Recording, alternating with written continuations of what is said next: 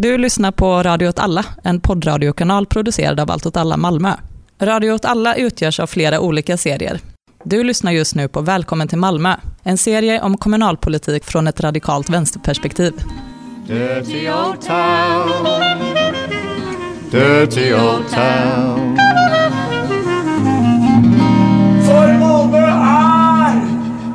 Drömmarnas stad! Du lyssnar på Radio åt alla. Välkommen till Malmö. Eh, Skuggbudget speciale. Eh, jag heter Kalle och jag sitter här med Måns Tja! och David. Hallå! Karin är sjuk och vi har en andra våg corona så hon eh, kan inte vara med. Men eh, vi ska försöka ta oss igenom det. Det var ju tur att Karin valde Vänsterpartiets skuggbudget. För den kan vi faktiskt klara oss utan. Ja, precis, för att eh, den, jag vet inte, det, det, jag vet inte vad jag skulle säga där. Den Jag är, säga något snappy om att, om att det visar vilka biasar vi har. ja, Vi kan inte driva med deras. det, det, är liksom, det, det, det är svårt när man driver en radikal vänsterpodd att vara så, eh, haha, vi är partiska. det, det, är inte, det är inget stort avslöjande. Nej, nej. Men, men det är väl en helt okej budget liksom. Jag har ingen aning. Ja, det, fick, det var det intrycket jag fick av Ja. Karin. Synd att de har mindre stöd än de har, så de inte kommer få göra någonting. Eh, Men kul att de vill skapa ett eh, Malmö stad-ägt byggbolag. Det är coolt. Just det. Det är synd, också synd att vi missar lite LOLs, sådär så man kan ha lite skadeglatt bara för att det är någon som måste förhålla sig till den här urlöjliga formen Ja. skuggbudget. Såklart. Innan vi går in på skuggbudgeterna så måste vi prata om att eh, eh, Torbjörn Tegnhammar har vunnit. Ja, jag tror inte det finns något annat sätt att säga det på. Nej. Och när man har sett alla de här eh, olika bil- bilderna som Moderaterna har lagt ut på sociala medier efter den här stora segern. Då känner man Så- verkligen att Torbjörn vunnit. Ja, precis. Bilden må ha varit tagen vid ett annat tillfälle, men när bilden togs så tänkte han på citatet som skulle stoppas in ovanför honom. Och vad är citatet? Citatet vet jag inte, men det de har vunnit är ju nämligen att man får köra ut alkohol från restauranger under vissa jävligt speciella omständigheter Ja. som är väldigt oklara. Men i alla fall. Ska vi snabbt gå igenom varför det här är lite konstigt? Vilka är det som fattat beslut om det här? Eh, det är ju arbets och socialnämnden. Ja. Och, och anledningen till varför man inte får göra så, generellt sett, är ju för att restauranger inte ska sälja livsmedel. Restauranger ska servera dryck. Och det är två väldigt olika saker. Ja, men, men man kommer ju, kommer ju runt det för att man betraktar det som catering till, till slutna sällskap. Ja. Eh, Problemet med det är ju att jag har ju jobbat med det här. Och jag vet ju att även på, om det är på restaurangen, så kommer det, så om någon vill ha en öl och de får en flaska, då måste du ta kapsylen. ja, men, men är det inte så nu också? Ja, Faktiskt. alltså, jag kommer nog behöva öppna flaskorna i liksom hallen. Ja, för att det, måste ju finnas personal på plats hela tiden också. Det, det, kan, ju inte, det kan ju inte bara vara att det kommer Nej. en Foodora-snubbe och... Det är ju här den stora liksom twisten är. Måste personalen vara på plats eller Ja, inte? just jag, det, just tror, det. jag tror att det kommer implementeras så att personalen inte kommer vara på plats. Men det är ju olagligt. Ja, men vem är då tillsynsmyndighet? Precis. Det är ju Malmö stad. Det är ju Ja. det som är, för det är därför, är det, det är Växjö som har gjort det tidigare, Mm. eh, som man har tagit ifrån. Och Växjö kan göra det, Länsstyrelsen kunde säga, det här tycker vi ser konstigt ut. Växjö kunde säga, okej. Det Skiter är väl så jävla konstigt att kommunen bara aktivt pissar på lagen. Men är det inte också sjukt konstigt att det här inte har införts tidigare? Ja, om det nu är möjligt. på att kommunen kan göra det vart som Ja. helst. Och att det finns jättemånga som tycker att det här är svinkul. Men det måste, jag tänker att det är liksom även för väldigt radikala moderater har länge varit en väldigt, liksom, eh, knivig fråga. Mm. Alltså, för det är ju också, alltså 2009 var det ju Reinfeldt regeringen som införde liksom ytterligare sk- skärpningar kring det här. Mm. Alltså att gjorde det faktiskt lite svårare. Och, och därför så tror jag, även bland moderater har det varit väldigt så här. Alltså det behövdes en global pandemi för att man ska införa Mm. det här i Malmö. Mm.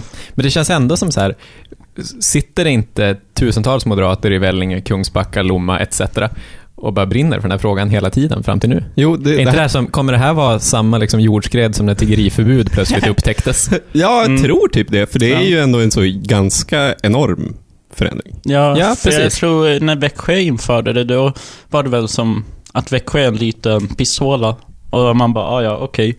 Mm. Inte brydde sig jättemycket. Men nu när Malmö har gjort det, det är ändå den tredje största stan. Nu, ja. nu kan jag Ja. tänka mig att det kommer bli många, många fler städer. Men det är ju roligare att tänka sig att det kommer vara någon som behöver sitta i ens vardagsrum medan man dricker.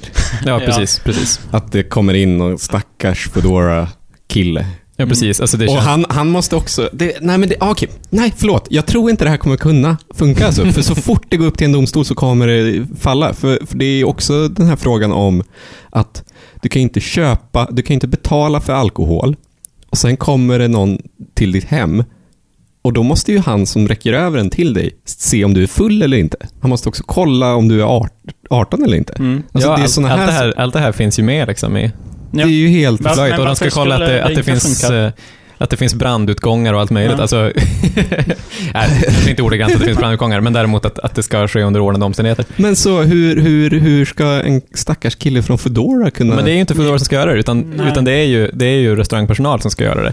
Sen i så de måste praktiken... ha kort med, eller så kortläsare med sig? Jag har ingen aning. Alltså, det jag tror kommer hända, det är ju att det inte är typ Rex, Nobes och, alltså det är inte liksom de vanliga, inom situationstecken, restauranger. Utan det är ju liksom de finare, lyxigare som kommer sälja till Limhamn, Bunkeflo och Frida. Alltså, Det, det är också Det lite ju- roligt att det här i praktiken betyder att vi ska göra det lättare för folk att ha privata fester. för att i verkligheten blir det det eftersom det är catering Ja. det ska... Och så, det är ju också att de bara betalar mer för alkohol de kan köpa på systemet. Ja, men det kan de inte göra sent på kvällen. nej. Nej, det- alltså, absolut, Det är det men som är poängen. Jag menar, tänk att du har väldigt mycket pengar och du har liksom i hela ditt liv varit tvungen att be, beblanda dig med pöben på systemet. Mm. Men nu, nu kan du bara betala lite extra och så får du det hemlevererat. Precis, Ja. och det på här... kvällen också. Ja. In, jag menar, du kan ju få det hemlevererat via systemet, men nu kan du få det på kvällen. Precis. Ja, och det här för oss tillbaka till att Torbjörn Tegnhammar har segrat. Ja, ja, gud För att kärnan i hela Torbjörn Tegnhammars eh, politiska ideologi fram till dess att han började hata invandrare, Mm. det var ju att han brinner å ena sidan för alkohol, å andra sidan för en mycket tuff reglering av alkohol. Ja. Och det här, fång, det, det här är ju liksom ett, ett rätt komplicerat förhållande, som Ja. i och för sig Sveriges historia har hanterat ganska väl. Eh, men det här tar, tar ju upp det till en helt ny nivå, Ja. där, man, där man bara plötsligt upp, öpp- öppnar en helt, en helt ny värld av alkohol, Ja. fast under ett jättekomplicerat regelverk som ingen förstår överhuvudtaget. Men, men du, du, du sa ju att han osade av eh, högfungerande alkoholism. Och det, det kan vi nog inte säga, för det är lite taskigt att nej, säga. nej, det var, nej, nej, nej, det var inte det jag sa. Jag, jag, jag sa att han antingen osade högfungerande alkoholism i sitt stora leende, Ja. eller att han är så här det, det, det lilla trollet som ska lura, med sig, lura, lura dig med sig ner i sin grotta. Men, Eh, men det kan också vara grott- glädje, glädje för möjligheten att få dricka alkohol. och grottan är vin. Men, men, Gro- Grottan är också en gammal sexbutik på Värnhem. det är det. Men, men, men, men, men jag tänkte att Torbjörn Tegnhammar, han, han, han, han osar inte av högfungerande alkoholism, utan han osar av den här alkoholismen som inte finns. Alltså den här alkoholismen som alla alkoholister tror att de har. Att det bara är så, ja, det är bara för att det är kul. Ja, just det, just det. Också som sådana som... som Fast Torbjörn Tegnhammar gör det på riktigt. ja, det kan jag faktiskt Så det är inte, absolut det är inte destruktivt. Nej, han är liksom absolut. den enda som, är, som alla tänker att de är. Absolut. Han skulle till, det skulle till och med kunna vara så att han är nykterist men ändå har den inställningen. Ja. Att det är jävligt kul med alkohol. Ja, jag kan verkligen tänka mig att Torbjörn Tegnhammar hatar att dricka själv, men han bara brinner för frågan. Ja, det är möjligt.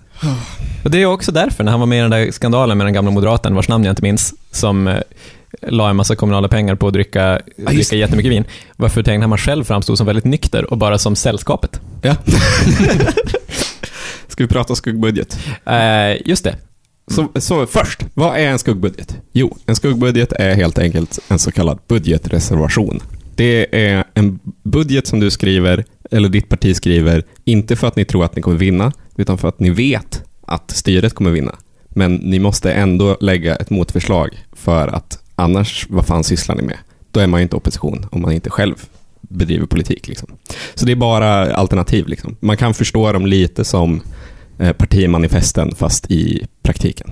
Ja, och mellan valen Exakt. också. Mm. Eller som väldigt långa debattinlägg. Ja, delvis. Ibland lite för långa. Ja, absolut. De är, också, de är också skrivna på ett särskilt sätt. Ja. Som, att de är skrivna i en liksom polemisk Ja. ton ofta. Men de är ju också skrivna för att i teorin kunna implementeras. Ja, precis. Men vi börjar med Moderaterna och eh, jag har tagit fram jinglar till det här som jag tänker att vi kommer kunna använda i all framtid vid varje skuggbudgetspecial. Moderaterna. Vem, är det som säger det där? Det är Karina Nilsson, Ah, borgmästaren av Malmö och vår podd. Så, eh, vinnare. Måns, du Ja. har läst på om Moderaternas skuggbudgetförslag. Precis, vi fortsätter ut från deras seger i alkoholfrågan. Mm. Eh, de tar faktiskt upp den lite grann i skuggbudgeten, men jag kommer inte prata så mycket om den. Eh, Moderaterna är ju alltså näst störst i Malmö. Mm. Därför kan man förvänta sig att deras, eh, deras skuggbudget är också, den har liksom en särskild tyngd Mm. i och med att de hoppas på att de ska ta över makten efter nästa val. Det är väl frågan om det kommer hända. Men, eh, så att jag läste, började läsa den med ganska höga förväntningar på att de skulle presentera sin, sin version av Malmö som skulle skilja sig drastiskt åt från sossarna och framförallt att de skulle bråka mycket med socialdemokratin i den. Eh, jag måste väl säga att jag är lite besviken över det.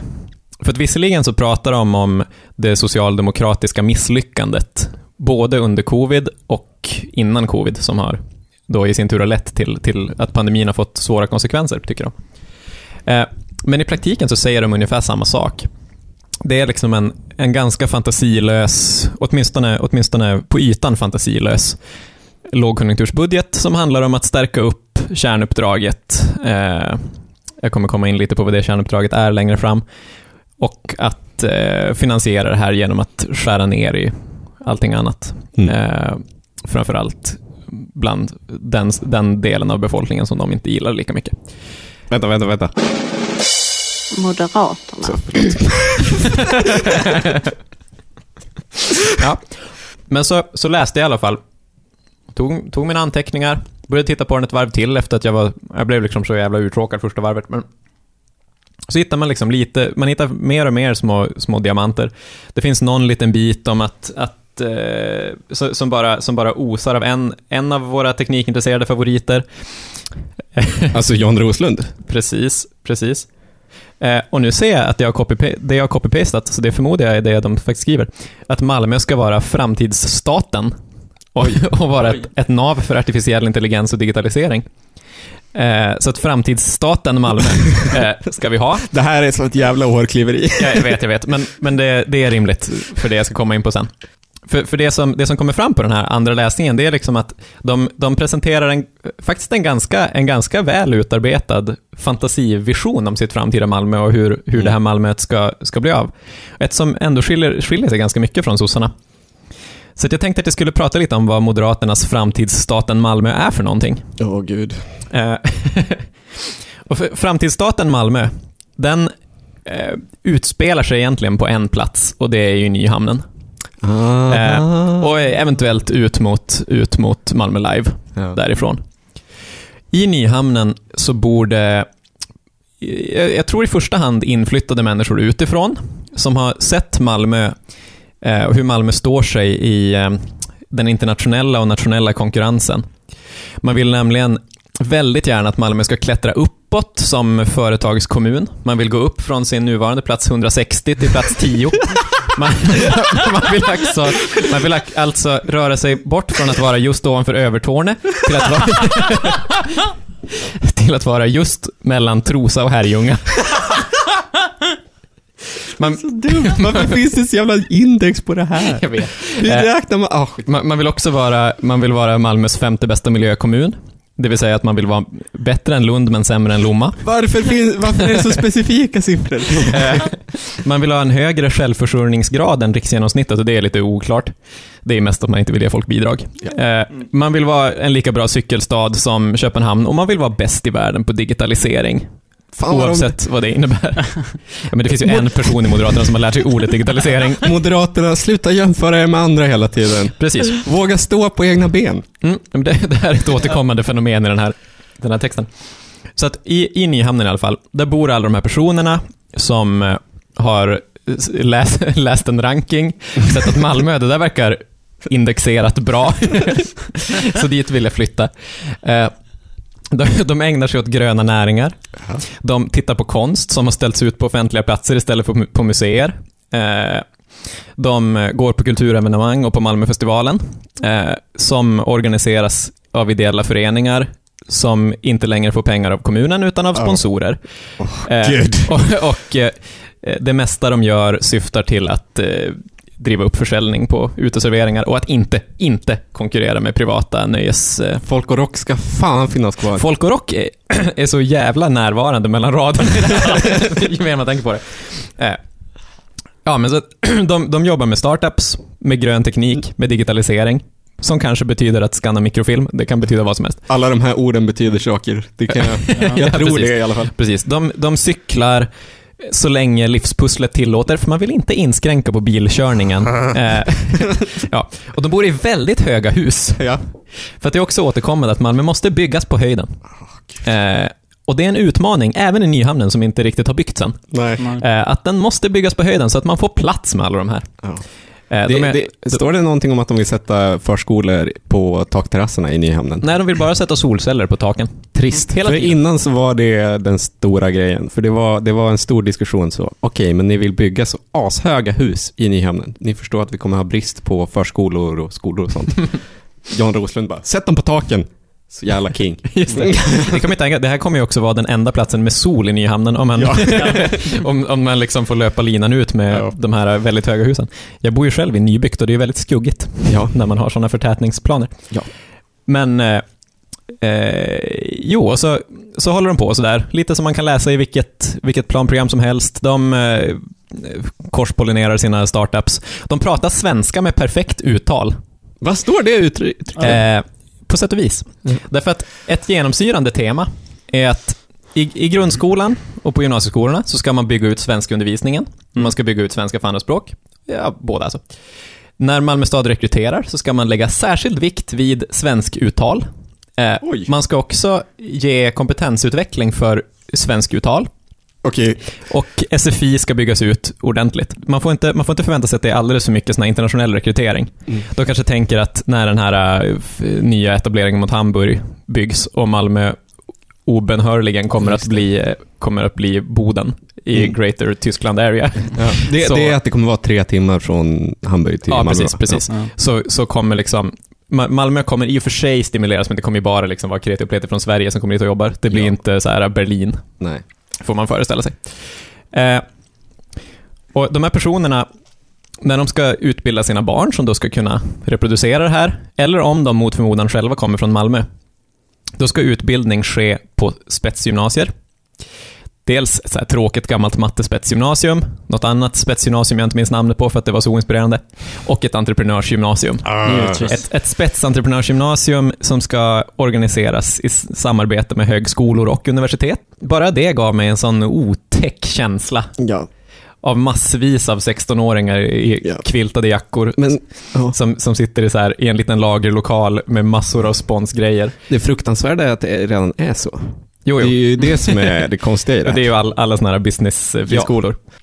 Ja. så, att så, så har de utbildat sig för att hamna i Nyhamnen, eller i staten Malmö, menar jag. Eh, på fritiden så, eh, ja, så dricker de ju alkohol som är är ordentligt tillsynad. Mm. De är också ute och joggar och de är trygga därför att man har sett till att stoppa eh, kommunala ordningsvakter längs med alla löprundor. Åh fy fan vad obehagligt. ja, verkligen, verkligen. Eller det, det är det man får förmoda i alla fall, för att det exempel de tar upp hela tiden är att, att eh, man ska kunna typ gå hem från bussen och man ska kunna vara trygg på löprundan genom kommunala ordningsvakter.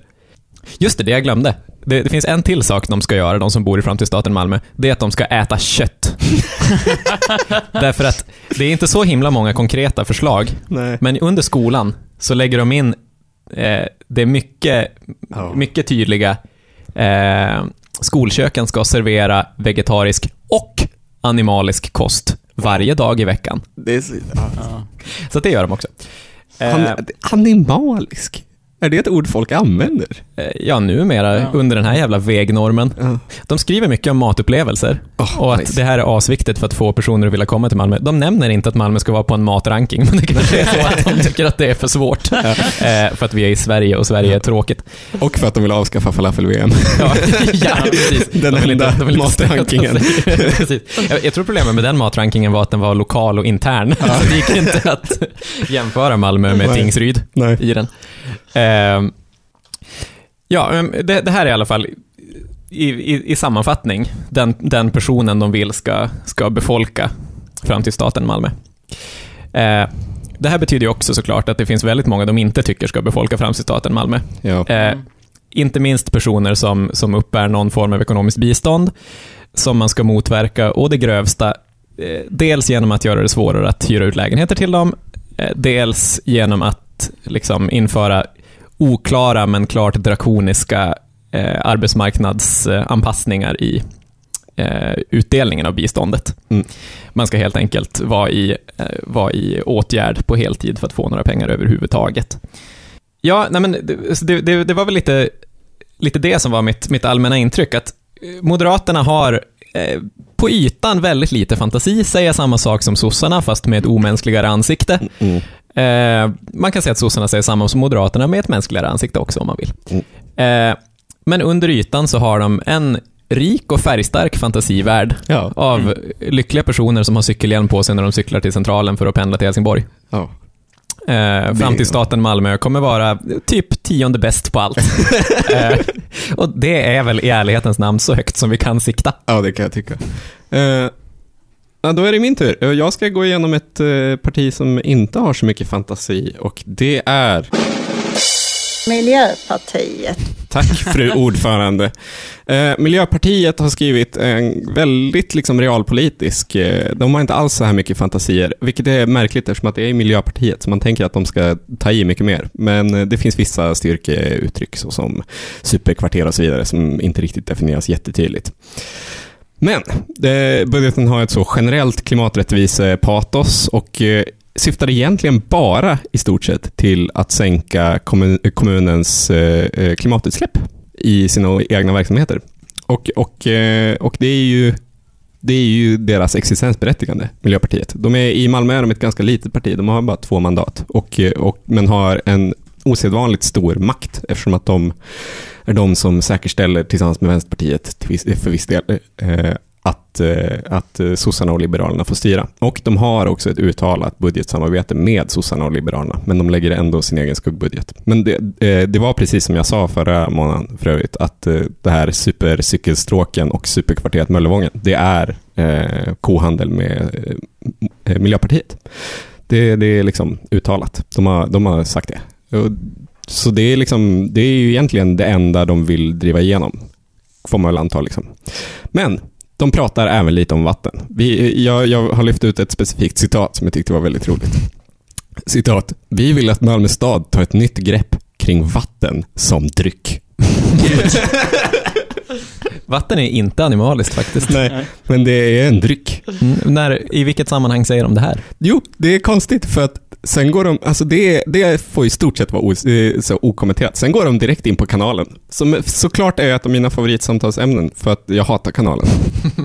Eh, kanalen i Malmö, om man inte bor i Malmö, de flesta av våra lyssnare bor i Malmö, men eh, till er stackare som inte gör det, så kan jag säga att kanalen är otroligt äcklig. Den går genom hela centrala Malmö.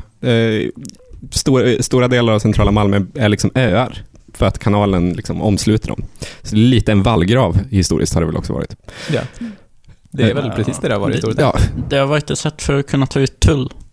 Ja. på, eh, ja Det har inte nej. varit så mycket en vallgrav, nu måste vi skydda oss. nej okej. Utan mer, här har vi vatten, då kan vi bygga broar och på broarna kan vi beskatta varor. Ja. För, förstår ni hur vi, hur vi just eh, tappade alla lyssnare i Malmö ett historiskt perspektiv-gruppen och sen fick tillbaka dem? Vad skönt. Tack vare David. Vi är så jävla Förlåt. konkurrenskraftiga mot Kalle Linds nya podd, Adu, som bara handlar om Malmös eh, historia. Eh, men, men, men, men så de vill liksom ta tillvara på kanalen på olika sätt. De vill sätta restauranger och så vidare utanför dem. Men det finns ju ett problem, kanalen är skitäcklig. Ingen vill eh, bygga restauranger och mysiga eh, utserveringar längs med kanalen, för kanalen suger. Så, de ska försöka lösa det här, men de säger aldrig på vilket sätt. Och jag, eh, för mig så är det bara sånt jävla Sisyfos-problem. För alltså kanalen är liksom, den är inte bara äcklig, utan det är ju att det jobbar ju jättemycket folk med att försöka så att kanalen inte blir äckligare. Så att rensa upp den är sånt jävla arbete. För kanalen i huvudsak nu är ju typ bara skräp. Det är, det, jag läste någon artikel om så, ja det vanligaste vi gräver upp det är döda råttor och tamponger. Man, äh. Och så är det gamla cyklar, voice, och så, så svanar och skit och ah, usch. hatar kanalen. Men, men det, det är ju fantasifullt att den ska räddas. Absolut, det, det får man ändå ge dem. Ja. Men det, är väl, det finns väl um, en massa avlopp som uh, går rakt ut i kanalen. Alltså Ja. så här riktigt gamla avlopp. Ja. Mm. Som man aldrig riktigt pallat uh, leta reda på och stoppa. ja. Det är det jag menar. Det här är ju eh, ett jävla projekt. Men det är, lite, det är lite konstigt, tycker jag faktiskt, att det inte finns eh, så här uteserveringar på pontoner och sånt. För att det finns ju Ja. utrymme för det. Ja, Och det finns också ganska många ställen som är etablerade längs men det är för att det finns en stark lobby i Malmö och den heter... Svanorna. Nej, det är, det är inte Svanlobbyn. Även om den också är stark så finns det en ännu starkare och det är eh, kanot eh, roddlobbyn. Ah, ja, det är de som ja. fick svanpappan skjuten liksom. Just Så de är ju då fattar man. Per Ja. definition starkare. Men, men de är på Shit. riktigt en ganska stark eh, röst. Alltså, Ja. det är ju... Jag minns inte vilket parti det var, men det var, det var någon som var så, jag tycker kanotklubben måste börja betala för att de använder våra gemensamma utrymmen. Och så var det så bara jättekontroversiellt. Nej, absolut inte. Jaha. De är superviktiga. Jag känner att jag vill veta mer om den här kanotklubben. jag förstår inte riktigt. Jag tror att det bara är att det är en bra idrottsförening. Alltså, så kan det säkert vara. Och att det inte är svårare än så. Och att de är ganska svåra att flytta på också. Ja, Alltså, de, de man kan behöver ju... sätta dem på en grusplan. Nej, precis, precis. Vi är ju också på en plats, Skåne, som inte är känd för sina, Vattendrag. sina vattendrag. Nej, Nej. precis. Verkligen inte. Men jag, jag, egentligen så har jag inte så jävla mycket att säga, eller jag, jag har väldigt mycket att säga om den här budgeten, men jag har inte så mycket att säga om liksom det konkreta. Det är så, vi måste skära ner på biltrafiken. Eh, punkt. Och kanske se över lite hur mycket kött vi äter och kanske se över energiförsörjningen. Det är inte så jävla spännande. Jag skulle säga att så, hade de implementerat den här budgeten så hade det ju varit bättre än idag. Troligen. Ja, Det- precis. Det är inte Mm. så spännande. Men, men det finns mycket att säga om, eh, om liksom, eh, någon slags subtext eller, eller snarare om Miljöpartiet som parti utifrån att det är en så meningslös budget. Eh, och, det, Mm. och till att börja med måste man säga, jag har en svag punkt för Miljöpartiet. Det tror jag att typ alla i radikala vänstern i Sverige har. Men man har också ett stort hat. Och, och det här handlar om att Miljöpartiet kom ur 60-70-talets liksom, klimatrörelse. Och någon får jättegärna fylla i om jag eh, eh, pratar om rörelse på ett för svepande sätt, för det kommer jag göra. Eh, partiet bildades 81 och var ett strategiskt beslut av folk i den här klimatrörelsen som bestämde sig för att vi vill bilda ett parti för att vi vill kunna få institutionell makt och genomföra reformerna som vi tidigare har krävt genom våra rörelser. Andra tog ett eh, motsatt beslut. Och, och, och det, här, det här partiet bildades i Sverige, men det finns liknande som skedde nästan exakt samtidigt runt om i Europa. Vi har Holland och Tyskland är två stora exempel. Eh, Die Grüne i Tyskland till exempel. Men samtidigt som de som fattade det strategiska beslutet, så fattade ju en annan del av den rörelsen ett annat beslut som var det motsatta, som var att gå ännu längre från parlamenten och börja, istället för att kräva saker så började man med så kallad direktaktion och så vidare. Och det var det som sen blev liksom antiglobaliseringsrörelsen och Göteborg 2001, EU-toppmötesprotester, G20-protester och så vidare. Så det har funnits ett liksom parallellt och gemensamt arv från någonting gemensamt som inte är så himla uttalat för att det är inte är så närvarande i, i, i ens liv. Men det är ändå någonting som skiner igenom ibland. Och det tycker jag är fascinerande med Miljöpartiet. Eh, I Tyskland så har de här banden varit väldigt mycket tydligare. Där har det varit så att Die Grüne har aktivt tagit liksom inspiration och liksom samarbetat med antiglobaliseringsrörelsen. Die Grüne är fortfarande ett närmare parti till många av sociala rörelser i Tyskland än Vänsterpartiet. Vilket är mindfuck, men, men det är så det är liksom. Eh, Men det är inte, inte heller så konstigt. Nej. eh, Med tanke på att eh, i, i Tyskland så kommer ju, har ju Vänsterpartiet mycket mer arv från Östtyskland. ja, såklart. Eh, för det, det skulle jag väl säga, om jag får, får kasta in min egen, mina egna two cents på det där. Din take. Ja, att alltså miljö, miljöpartierna, eller de gröna partierna, står inte så mycket i motsättning egentligen mot rörelserna, utan de har ju liksom eh, Alltså miljö, miljöpartierna växer ut ur en del av, av miljö och kärnkraft, antikärnkraftsrörelserna och fredsrörelsen också för den delen. Eh, i, från början på 80-talet och framåt. Eh, och sen, sen så korsas ju deras vägar lite fram och tillbaka hela tiden egentligen. Alltså ä- även i Sverige så, så har det ju historiskt funnits ganska, mycket, ganska nära band. Framförallt mellan grön ungdom och rörelserna Ja. utanför, men också i Miljöpartiet skulle jag nog säga.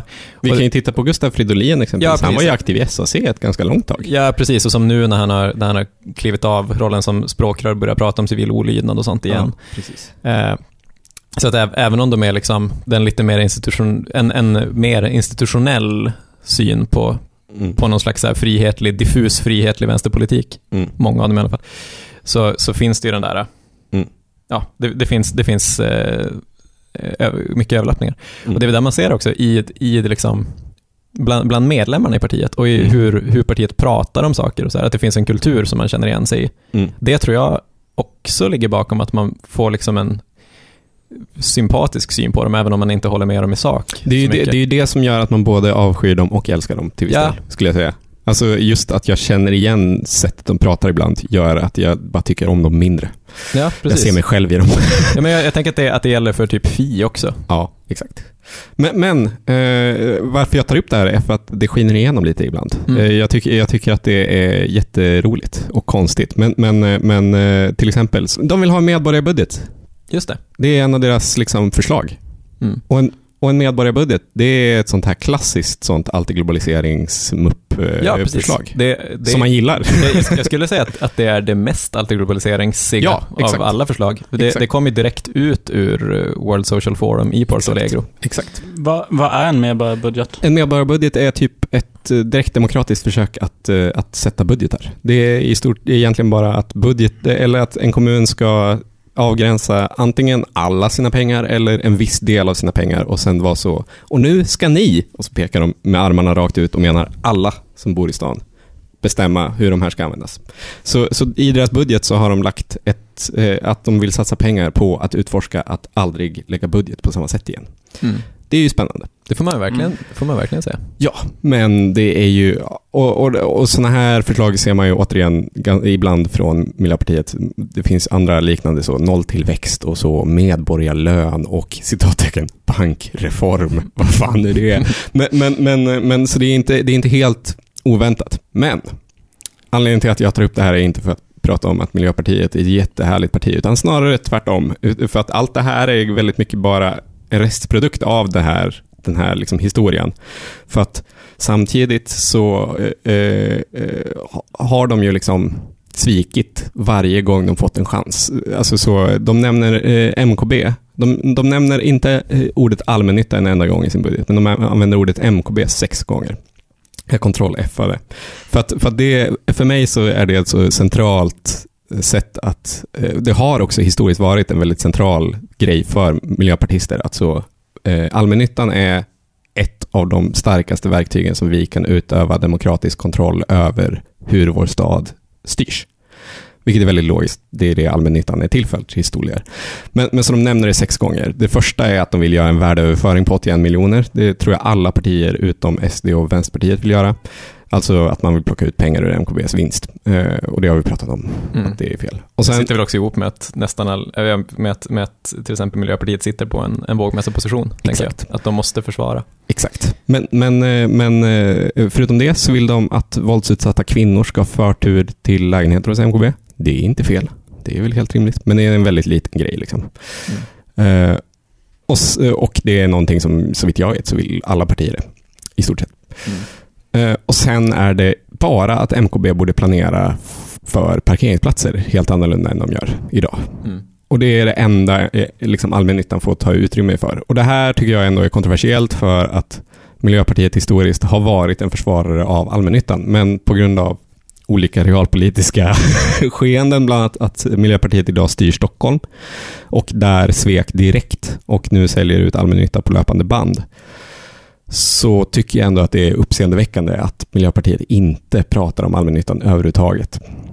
Och, och jag tycker att det är ett så jävla töntigt parti just eftersom att deras enda kärnfrågor är liksom så att dra ner biltrafiken lite. Och det är så fattigt liksom. Och att de är så extremt flexibla med, alltså så, blir det ett alliansstyre i, i, styre i Malmö så kommer de sitta ändå vara så, vi kan vara med så länge vi sänker biltrafiken lite. Alltså, det, det är ju helt postpolitiskt på ett helt bisarrt plan. Ja. Liksom. Jag tycker att det, nu, nu gäller inte det här Malmö, men det kommer säkert gälla Malmö också. Eh, men på riksplanet så är Miljöpartiet tynande just nu. Ja. Eh, och det är inte egentligen så konstigt. Alltså, å ena sidan för att de har gjort exakt det som de på något sätt var tänkta att göra Ja. redan från början. Det vill säga att de har, de har fört in eh, miljödiskurs Mm. i hela, läng, längs med liksom hela politiska spektrat. Eh, med konsekvensen att, att de egentligen inte, de har ingen miljöpolitik som de själva verkar tro på, Nej. som inte redan är presenterad av någon annan. Eh, och sen den andra sidan av myntet, som sitter ihop med det, att de hela tiden har förhållit sig så otroligt pragmatiska, precis så Mm. som du säger. Att det är som att de, de har eh, helt övergett idén om att göra politik av, Ja, ja. av visionen. Liksom. De har ju liksom helt nöjt sig med att vi, vi ska vara ett ganska litet parti, men vi ska driva ner eh, biltrafiken och kanske lite mikroplast. Ja, precis. liksom. precis. Och det, det här innebär att hela deras, hela deras eh, hela den politik som de presenterar är den här märkliga kombinationen av väldigt, väldigt vidlyftiga målsättningar Mm. eh, om en, en hållbar värld och väldigt försiktiga Ja. eh, åtgärder.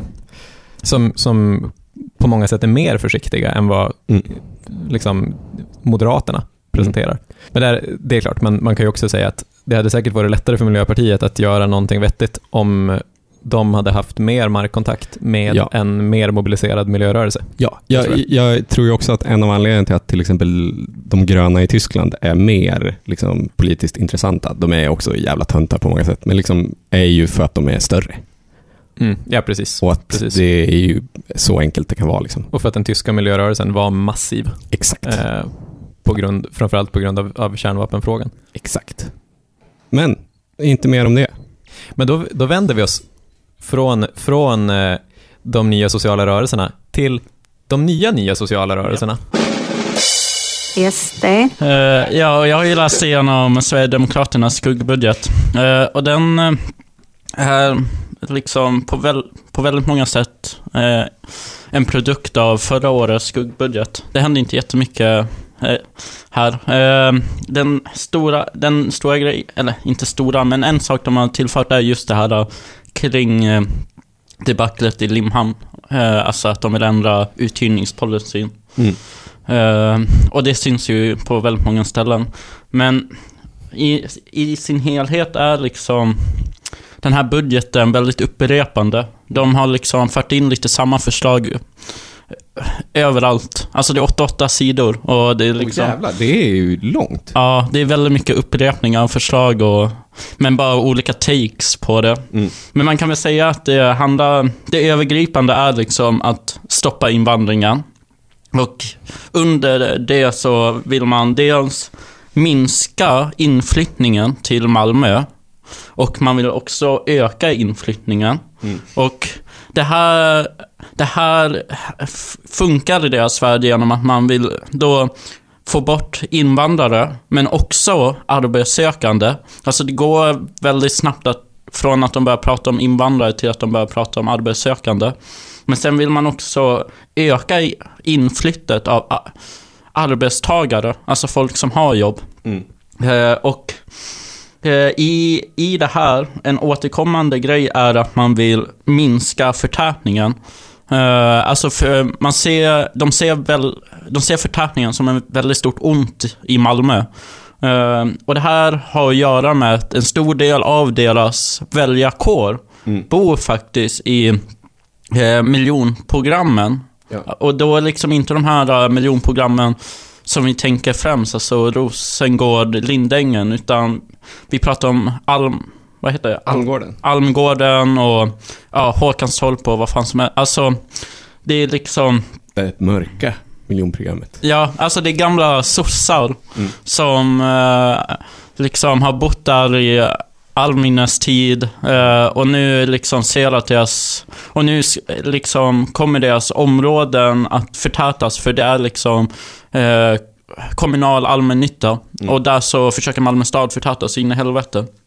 Det har blivit jättestora, eller stora, stora, men det har blivit en del små sådana här lokala protestgrupper där. Mm.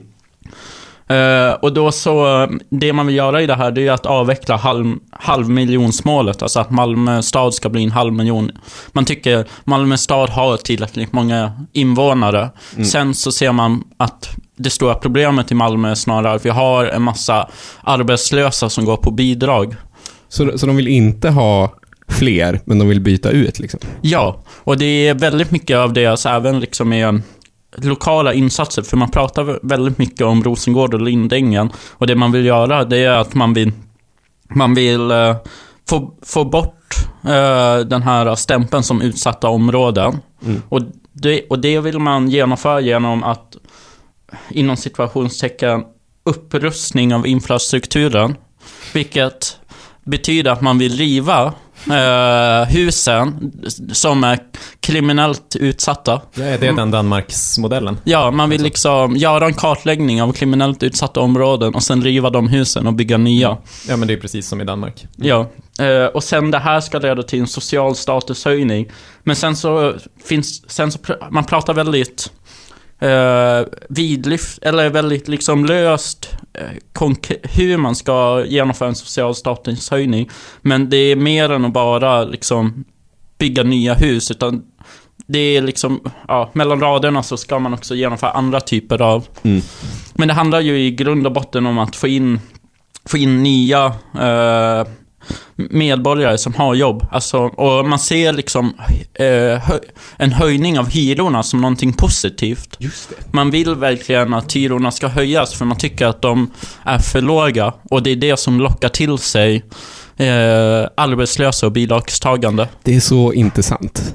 Alltså det är ju in- Nej, nej. empiriskt inte sant. Nej. Nej, vi har ju väldigt höga hyror. Ja, Ja. och eh, det man ser är ju att de riktigt höga hyrorna, alltså så, ett, ingen har råd med dem, eller ingen vill ha råd med, eller så, bo där för att det är för dyrt. Och två, de som måste flytta någonstans, de måste bara gå på jättemycket bidrag för de har inte råd med sina jättehöga hyror. Eh, men den, men, men Ja, ja, sen så vill man också skicka hemlösa till andra kommuner. Social dumpning. Ja, och man, ans och man anser också att, eh, att eh, invandrare ska kunna på två år hitta bostad. Och då alltså att de ska behöva söka över hela landet. Det här är alltså inte kommunpolitik, utan rikspolitik de lyfter Mm. fram. Ja, alltså det är lite blandat. Mm. Men sen så anser man också att Malmö stad ska sluta köpa eh, bostadsrätter, alltså för, som ett sätt att erbjuda. Mm. Men också hotellnätter och allt möjligt. Utan istället att Malmö stad ska satsa på husvagnar och båtar. Så man vill Ah, bygga okej. flytande båtsamhällen. Vart ska båtsamhället vara? I kanalen. Nej men det kan inte vara så, för där har vi eh, kanoter. men vart ska båtarna vara? Ja, det, det preciserar de inte. Nej men för det är Men, sån eh, jävla skit. Alltså ska de bygga en jävla båtflyktingförläggning i havet? Ja, ja det, det är de vill. Eh, alltså, jag tänker att det finns två alternativ här. Det är dels att man försöker göra det som den här eh, filmen Waterworld och eh, låta Kevin Costner vara någon form av ledare. Ja. Eller så vill man göra som den här uh, tokiga gubben uppe i, någonstans i Västerbotten som köpte en sån här gigantisk eh, tankfartyg som man skulle bygga om till flyktingförläggning. Ja, som ingen ville ha. Nej. Just det, det var jättemycket bråk om den. Ja, supermycket bråk och till slut så var det han som förlorade. Just det, just det. Ja. Det här är helt inom min eh, intressesfär, men jag har aldrig läst om det här. Nej, Nej. eh, Det, var, det var en stor grej typ 2016 tror jag. Eller 2015, 2016 någonstans, när sånt här var en stor grej. Här, här vill jag lägga in bara att vi är väl egentligen också eh, som grupp och parti emot att eh, köpa in just hotellnätter och sånt. Eftersom det är någonting som Malmö stad har gjort nu Ja. när, man, när man slutar ge folk bistånd på riktigt. Det är ju helt, helt stört. Ja, precis. Ja, ja, och det är ju liksom det jag tycker är intressant med den här budgeten. För det finns vissa delar som jag faktiskt tycker är rimliga. Mm. Alltså, för de är ju också för eh, medborgarförslag och alltså de har liksom vissa... Alla har såna jävla medborgardialog och skit längst Ja. ner. Alltså. Ja, men SD brinner ju lite mer för det än alla andra. Ja, det gör Ja, men de är ju också emot eh, vinstutdelning från MKB Mm. och att avskaffa Malbo. För Malbo ser de som någonting som drar ner den sociala statusen. Alltså de, är- de, vill ju inte, ja, de vill ju inte genomföra hjälpåtgärder på något sätt. Även de liksom sämsta åtgärderna. För, ja. Nej, de ska ju reda sig själva. Ja, och det finns, och det är genom, alltså SD pratar ju inte om de här uh, IT-företagen och entreprenörerna på ett sättet Moderaterna gör, utan de snar, pratar snarare om liksom yrkesförberedande utbildningar och alltså de ser ju mer att det ska finnas liksom någon form av så här småskalig industri och det är det man ska jobba med. Just det. Eh, ja, men sen så... Men ja, så det, i, i sin helhet så är ju SDs budget, den, det är som en blandning av stadsutveckling och eh, liksom migrationspolitik eh, och so li, lite socialpolitik. Men det är ju intressant att den här stats, eh, st- stadsutvecklingspolitiken är närvarande genom, genom allt. faktiskt. Alltså allt Mm. från liksom, åtgärder mot invandrare, kring eh, folk som eh, är hemlösa eller går på socialbidrag till liksom kriminalpolitik. Alltså, de ser hela tiden att man kan genomföra förändringar i liksom stadsmiljön, stadsbilden och liksom på så sätt använda både hårda och mjuka verktyg för att premiera de grupper man vill ha in till Malmö och liksom eh, ja, men, skapa liksom sätt att få bort dem man inte vill ha. Ja, visst. Ja, alltså det, det slår mig när du, när du berättar om den att det känns som att SDs budget är den enda som har någon slags rumslighet överhuvudtaget. Mm. Ja, det, det är klart att Miljöpartiet pratar lite om kanalen och Mm. Moderaterna pratar om Nyhamnen.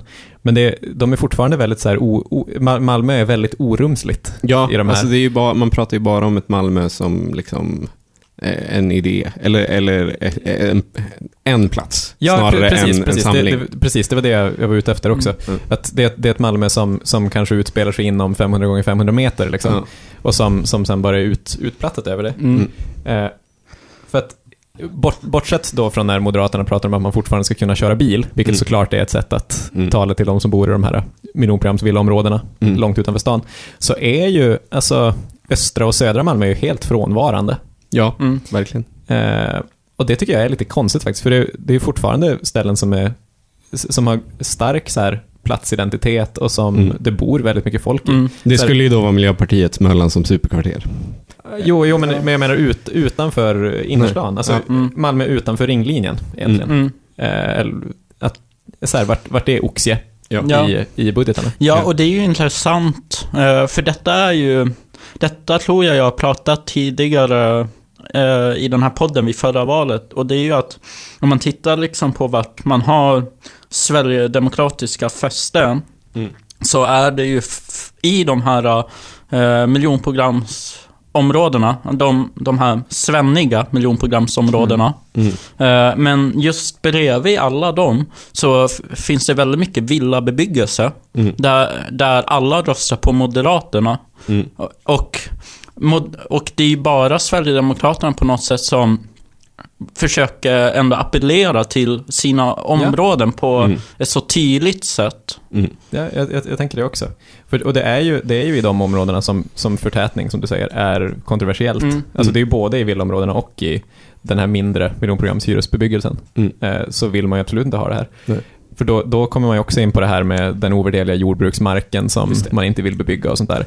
Som kanske nämns eh, lite i förbifarten på de andra ställena, men som, Mm. som får en annan, en annan tyngd liksom. Mm. Om man pratar om områdena specifikt. Mm. Men, men sen så har man också några få delar som är liksom med i budgeten väldigt mycket för... Jag tänker att det handlar om att man känner ändå ett behov att man måste ha, ge någonting till de här klassiska Sverigedemokraterna. Och det handlar då liksom om svenska värderingar och traditioner.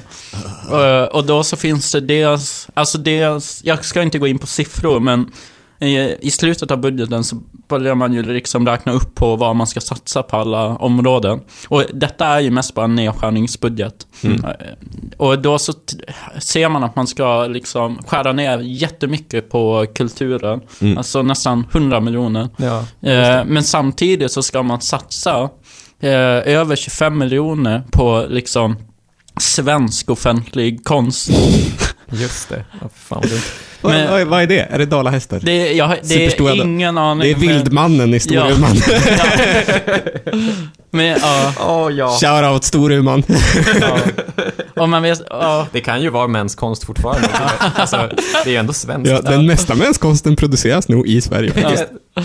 Men sen så eh, finns det också, eh, vill man också genomföra en kartläggning. Alltså förutom den här kartläggningen av kriminella eh, områden så vill man också genomföra en kartläggning av svensk fientlighet. Mm. Och det står inte preciserat vad svensk fientlighet är. Och jag kan tänka mig att den stackars sate på kommunen som kommer behöva skriva ihop den tjänst... eh, skrivelsen kommer behöva först sitta och googla Sverige. och försöka få som en aning om vad svenskt och Sverige är. Vilket kommer typ bli midsommarafton.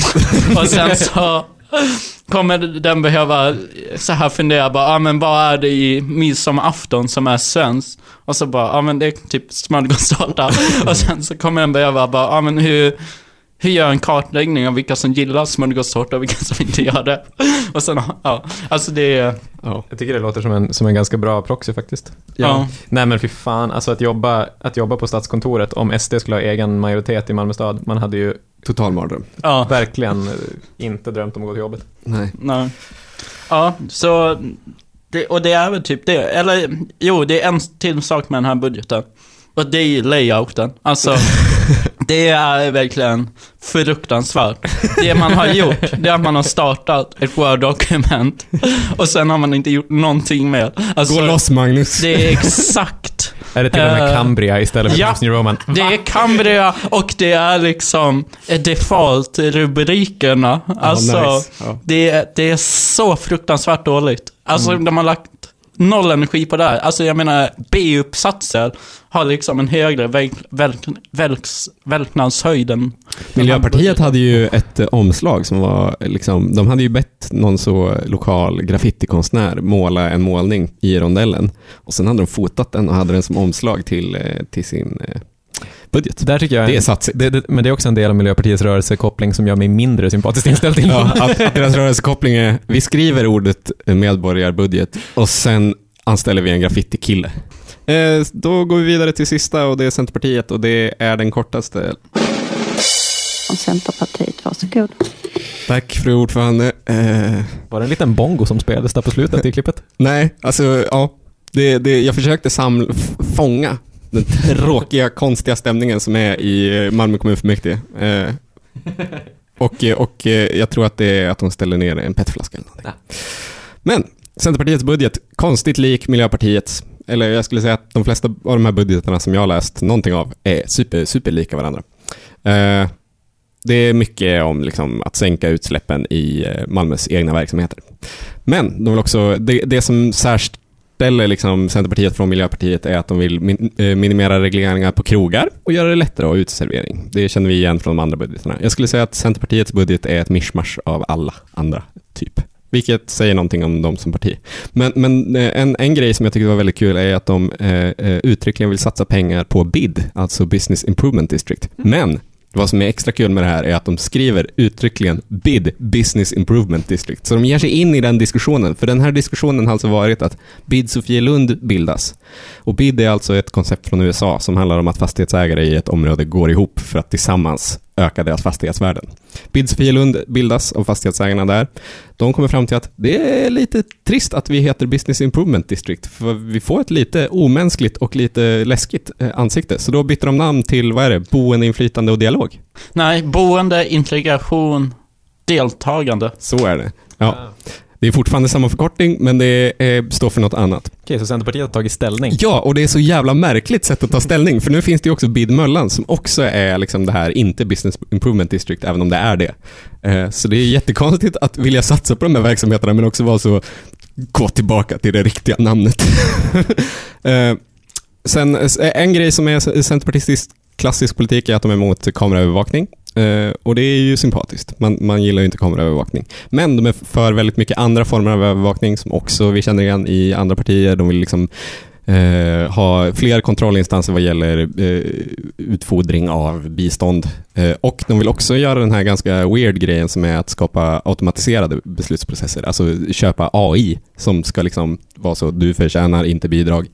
Det låter som framtidsstaten Malmö tycker jag. Ja, eh, och, och det här har ju gjorts i Trelleborg tror jag det är. Och det eh, resulterade ju bara i att, kost, att färre fick bistånd och att de sänk, eh, skar ner jättemycket. Eh, Så det är ju vidrigt. Och det är, ju- jag kan tycka att det är lite märkligt att vara emot kameraövervakning men vara för andra sådana. Liksom. Varför är de emot kameraövervakning? Jag Det- tycker det är väldigt konstigt Det är faktiskt. bara att de är liberaler. Liksom. Alltså, ja, men, Fast det är många liberaler som är Ja, ja, för alltså, kameraövervakning. ja, ja. jag menar, jag menar, har de något, jag tycker det är intressant, har de något särskilt motiv för det? Nej men det är bara en rest liksom. De har alltid varit det. Alltså, det är också en av de grejerna som så vitt jag vet skiljer Centerpartiet från Liberalerna. Folkpartiet. Ja. Vilket är konstigt, men, men alltså, de har alltid varit mot kameraövervakning. Okej. De, de, är, de har ju Charlotte Bossen som är kingen där numera. Och hon är ju, hon är ju väldigt mycket så eh, liberal-liberal. Mm. Mm. Men, är Tror på inte, principer ja. Ja, men har det inte att göra lite med liksom politiken på riksplanet? Centerpartiets sätt att försöka stå ut lite, att vara de ett lite mer mänskligt ansikte Mm. jämfört med liksom Jo, men det är väl säkert så. resten av alliansen. Sen är ju faktiskt knarklangare också småföretagare. Det är de faktiskt. Mm. Eh, Men, men jag tycker också att det, det är en tråkig budget, liksom, för, man, eh, för de är ju ett jävla ont parti, liksom, men man, man förstår ju att de är på den goda sidan. Liksom. För de vill också, eh, de går också tvärt emot liksom, den generella diskussionen på riksplan om att eh, det, ta död på all hemspråksundervisning, så vill de istället satsa pengar på den. Och det är, ju, det är ju fint. De vill alltså att folk ska kunna mer än ett språk, till skillnad från Moderaterna. Exakt. Det, det, eh, jag har egentligen bara en riktig grej att säga om den här budgeten, just eftersom att den är ganska meningslös, för att den är bara ett mischmasch av alla andra. Och, och det är att de, de gör en ganska kontroversiell grej. De gör en ganska kontroversiellt liksom, förslag, som är att de vill utforska möjligheterna till flera, bol, eh, flera privata bolag inom hemtjänsten. Och det är inte så jävla... Det är inte 2020 att vilja det. För att Nej. för, Nej, för, att, för att vi lever just nu under en pandemi som alla vet och, eh, och eh, det man kan säga, är alltså så det är väldigt svårt att dra slutsatser exakt kring varför folk har dött och på vilket sätt och hur, vad vi ska lära oss av det. Men den enda lärdom det känns som att alla har dragit i hela politiska spektrat är att eh, privata bolag inom hemtjänsten, det är inte så jävla bra. För de har väldigt så osäkra anställningsformer, eh, det eh, går snabbt och man måste, eh, det finns inte riktigt tid för liksom coronasäkerhet, men det är också en extrem ruljans på vilka som går till vilket hem eftersom att alla liksom byts ut hela tiden och det är korta anställningar och så vidare. och Så vidare. Så det är liksom någonting vi alla har kommit överens om att så Anledningen till varför det blev så extremt jävligt och så sjukt många gamla dog i Stockholm, det är för att de har fruktansvärt många privata bolag inom hemtjänsten. Och sen eh, mot, eh, motparten till det har alltid varit Malmö. Och för på samtidigt så kan vi se i Malmö så dör inte alls lika många äldre. Och det beror på att vi i stort sett inte har några privata bolag inom hemtjänsten. Att då i den kontexten lägga fram det som ett kreativt och innovativt förslag känns... Det känns lite fattigt att presentera det på det sättet också. Ja, men det är liksom dumt. Ja, verkligen. Jag, jag slogs nu av att Moderaterna faktiskt säger egentligen samma sak, men i förtäckta ord. För att de vill att, ma- citat, Malmö stad ska främja fler karriärmöjligheter för vård och omsorgsanställda genom att underlätta för välfärdsföretag att etablera sig i Malmö. Mm. Eh, Det är en dum idé. att eh, de, de tänker att man som hemtjänstpersonal ska kunna ha en, så att säga, bättre löneutveckling genom att det finns eh, fler privata företag som man kan eh, spela ut mot varandra. Det, det som är intressant där med Centerpartiet är att de är så framåt med det. Ja. Med att det är just Alltså det är just, just hemtjänsten som, Ja. som är den minst populära. Och där det dessutom har varit så mycket snack om förstatligande. Ja, Mm. alltså, Inte av de privata utförarna visserligen, Nej. men Nej. att det ändå är på den... Ja, alltså hem, planen har rört sig. hemtjänsten, alltså det känns som att de bara, eh, att de skrev det här för ett halvår sedan eller ett år sedan. Och, eller att de bara har det och sen Mm. bara glömde radera Mm, det. För ja, att det ja. Men det är också intressant för det var något år sedan då Lom, de Moderaterna i Lomma, eller kanske bara i början av det här året, ehm, gick ut och sa att de skulle återkommunalisera hemtjänsten. För de hade ju tidigare bara haft helt privat. Och det hade ju bara varit en helt fruktansvärd upplevelse. Det kan man ju tänka sig. Men, men, eh, men eh, min stora takeaway från Centerpartiets budget är att man förstår att det är ett nödår eftersom att Centerpartiets budget är så tråkig. För de brukar alltid vara de som spexar, för de, de, de har fantasi. Det är de som vill ha restauranger i kanalen och vojar överallt. Liksom. Jag, jag eh, kontroll F-ade på kanal, inget resultat. Kontroll F-ade på elskoter, inget resultat. Mobilitetslösning, inte heller. Va? Vad är det här? Det här är inte mitt Centerparti. Alltså, det är, därför, det är därför man älskar dem, trots att man hatar dem. Ja. Att de, å ena sidan har de ju en, en ideologi som är optimistisk liberalism, Ja, verkligen. eh, mer än någonting annat. Ja, det är härligt. Eh, å andra sidan så har de ju det här, de har ju som en, en strategisk position som är helt perfekt för det. Ja. Det vill säga, de har ganska mycket inflytande fast de behöver egentligen inte stå för någonting. Exakt. Det är ultimat. Det är där man vill vara. Ja, exakt, exakt. Både som privatperson men också som politisk kraft. Exakt. Det är där Vänsterpartiet skulle varit om de inte hade varit så utdefinierade av Ja, hela den här rädslan för kommunismen. exakt. Men, eh, men eh, Sen är det liksom, precis som alla andra budgetar, jag, jag tycker egentligen så borde vi kanske pratat lite om det, men alla budgetar när man väl tittar på siffrorna är ju nästan identiska. Ja, ja, herregud. Mm. Alltså det är nedskärningar i allt utom eh, den så kallade kärnverksamheten. Det är skola och omsorg. Liksom. Ja, precis. Men, men det är ju det är också ett skäl till att inte läsa så mycket i siffrorna. Alltså Ja. när man läser skuggbudgetarna, eftersom Ja. det inte är tänkt att siffrorna ska spela någon roll heller. Nej. Utan att det mer är så här debattinlägg för, för vilken riktning vi vill att sossarna ska Mm. inta. Exakt. Eller vad vi skulle kunna göra om det plötsligt blev kris och hela Ja. sossarna blev matviftade. Eller något. Jag vet inte. Katrin har lagat en riktigt dålig gulasch. Och dessutom haft hemmafest med mer än åtta personer. aj, aj, aj. Ah. Men eh, jag har inte mer att säga om Centerpartiet. Eh, ska vi, har vi någon generell lärdom från årets skuggbudget special? Precis som du sa, alla säger ju egentligen samma sak. Ja. Alltså, de, de yttre omständigheterna gör sig ju gällande. Ja. Eh, vi måste, på grund av hur ekonomin ser ut och hur den politiska kulturen ser ut, skära ner i allting. Mm. Och dessutom måste vi, eh, där, där vi inte skär ner, så eh, finansierar vi det genom att färre ska gå på bidrag. Mm. Eh, För de stora liksom, konfliktytorna rör ju de små summorna. ja, De, precis. det rör ju inte de stora, liksom, det råder ju i stort sett konsensus förutom hos Vänsterpartiet att det ska skäras ner överallt förutom Ja. inom de här olika små specifika sakerna. Nej, precis. Och det är, ganska, det är ganska lustigt egentligen att en av de sakerna det råder mest konsensus om, det vill säga att det går att utvinna hur mycket pengar som helst från felaktiga biståndsutbetalningar, eh, också är ett område som man egentligen inte vet någonting om. Alltså, eh, det bygger ju egentligen bara på en förhoppning om att det ska finnas en massa pengar där som man kan Ja. kräma ut, för det, det går inte att veta förrän man har kontrollerat det på något sätt. Dirty old town. Härmed så säger jag bye bye.